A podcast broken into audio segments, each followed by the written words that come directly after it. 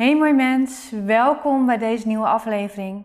In deze aflevering wil ik iets aankaarten waar ik helemaal achter sta, wat ik heel erg belangrijk vind, maar wat ik ook moeilijk te verwoorden vind. Dus ik kan over mijn woorden heen gaan vallen tijdens deze aflevering. Want waar ik het namelijk met je over wil hebben is wat is nou de universele wijsheid? Wat, is nou, wat zijn nou de levensrichtlijnen die je mag volgen, die je nodig hebt om een leven te creëren en een leven te leven zoals jij dat wilt? En je voelt hem waarschijnlijk al aankomen, die is voor iedereen anders. En ik denk dat als je bezig bent met spirituele ontwikkeling en met persoonlijke ontwikkeling, dat een van de belangrijkste dingen die je kunt onthouden is dat iedere wijsheid, ieder inzicht een valkuil heeft. Iedere wijsheid, ieder inzicht heeft een maar. En mensen in je omgeving wijzen je ook vaak op die maar. En dat is ook goed, soms vervelend, maar dat is ook goed. Maar ik denk dat het ook belangrijk is om dat voor onszelf in acht te houden.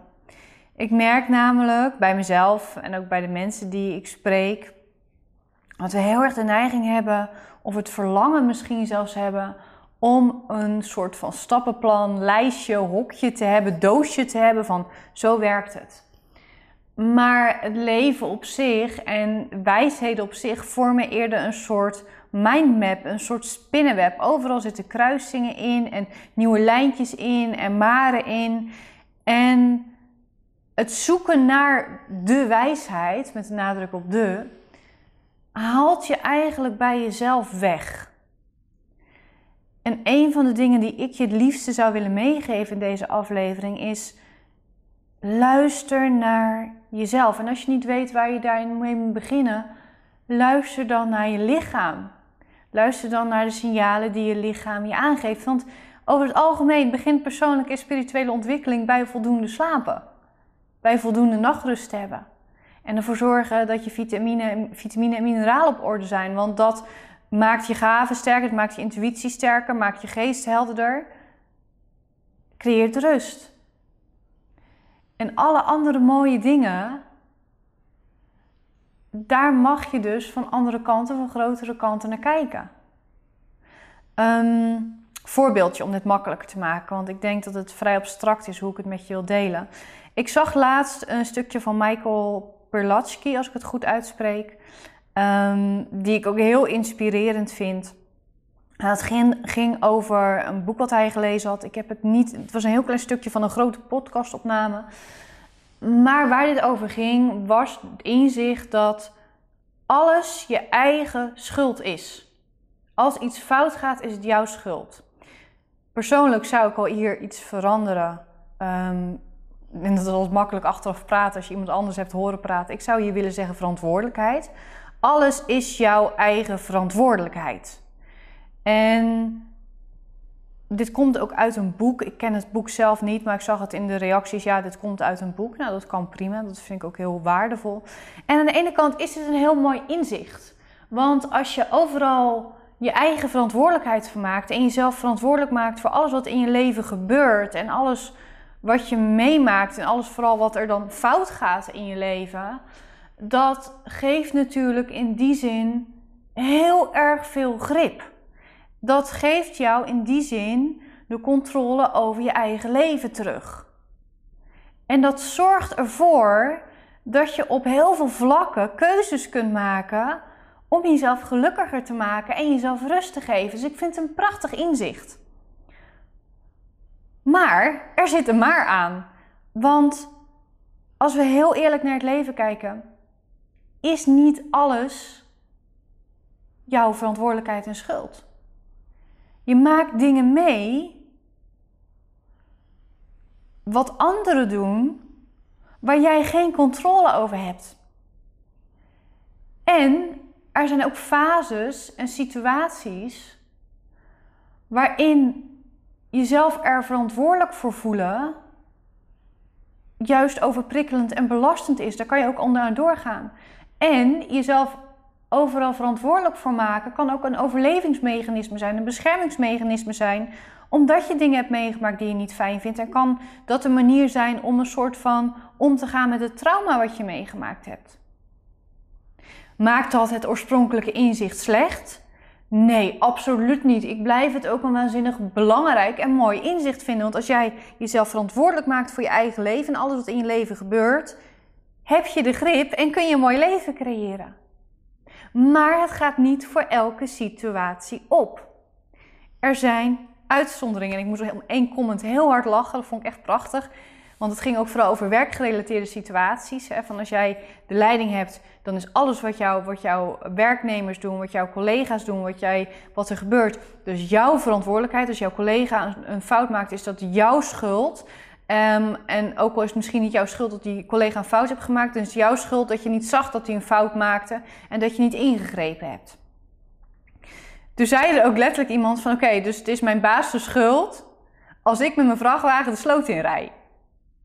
En dat vind ik zo mooi, want dat is dus een situatie waarin dat niet van toepassing is. En dat is natuurlijk een hele platgeslagen en misschien ook wel een beetje oneerlijk voorbeeld.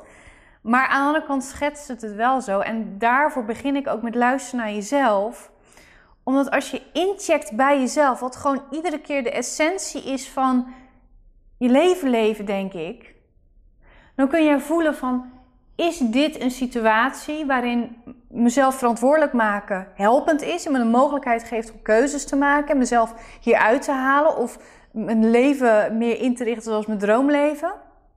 Of als ik hier mijn verantwoordelijkheid ga nemen, um, schiet ik dan in mijn? Doe ik dat omdat ik in een pleasersrol zit, omdat ik daar nog belemmerende overtuigingen heb? Of is het een situatie waarbij ik eigenlijk geen controle heb en mezelf hier verantwoordelijk voor maken, mezelf juist overprikkelend en moe maakt, overprikkeld en moe maakt.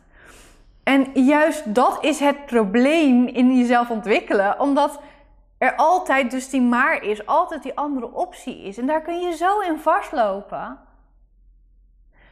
Daarom weer, begin bij jezelf. En daar begint het iedere keer mee. En ik zal hier waarschijnlijk iedere aflevering op terugkomen. Want dat is waar het om gaat. Wat ik wel denk, als we het over dit stukje verantwoordelijkheid hebben, wat ik nog steeds een prachtig en waardevol inzicht blijf vinden.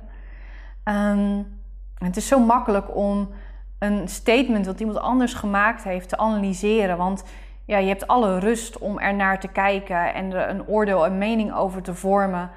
Terwijl die ander dat op dat moment niet zo ver vooruit kon kijken. Dus ik vind het ook soms zo oneerlijk om zo'n voorbeeld te gebruiken.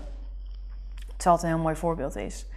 Um, maar wat daarbij ook belangrijk is, want daar wilde ik naartoe, is dat je dus wel het stukje kan pakken van oké, dit gebeurt er in mijn leven. Wat wil ik hiermee?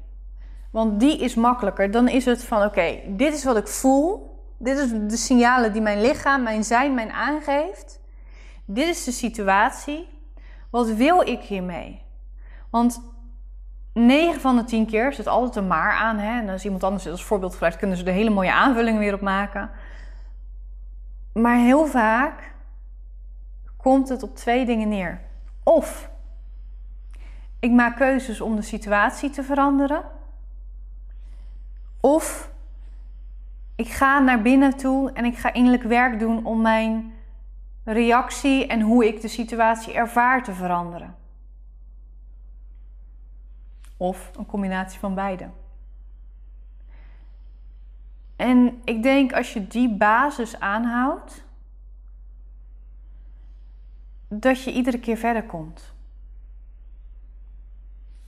En zeker wanneer je het koppelt aan, je hoeft geen einddoel te hebben, maar een intentie, een focuspunt. Dus bijvoorbeeld mijn focuspunt zou nu zijn: ik wil meer rust in mijn leven creëren. Oké, er gebeurt wat wat ik niet leuk vind. Wat wil ik hier doen? Hoe ervaar ik dit? Is het iets waarbij ik de ruimte voel om de situatie te veranderen? Of is het nodig dat ik in mezelf naar binnen keer en ga kijken hoe ik belemmerende overtuigingen hierover kan veranderen? Of hoe ik mijn emoties meer rust kan geven en kan helen zodat ik de situatie anders ervaar? Dus eigenlijk is dat, en nu sla ik natuurlijk echt plat, focuspunt pakken. Wat wil ik, waar wil ik naartoe? Wat is mijn intentie? Waar wil ik me mee bezighouden? Kan dus ook, ik wil zoveel mogelijk even niks zijn. Dat is ook een goede intentie. Op basis daarvan kijken naar, oké, wat gebeurt er in mijn leven? En dan natuurlijk creëren waar het kan. Maar als er iets gebeurt wat ik niet fijn vind, of ik voel wat, ik voel een signaal in mezelf dat ik ergens mee bezig mag zijn.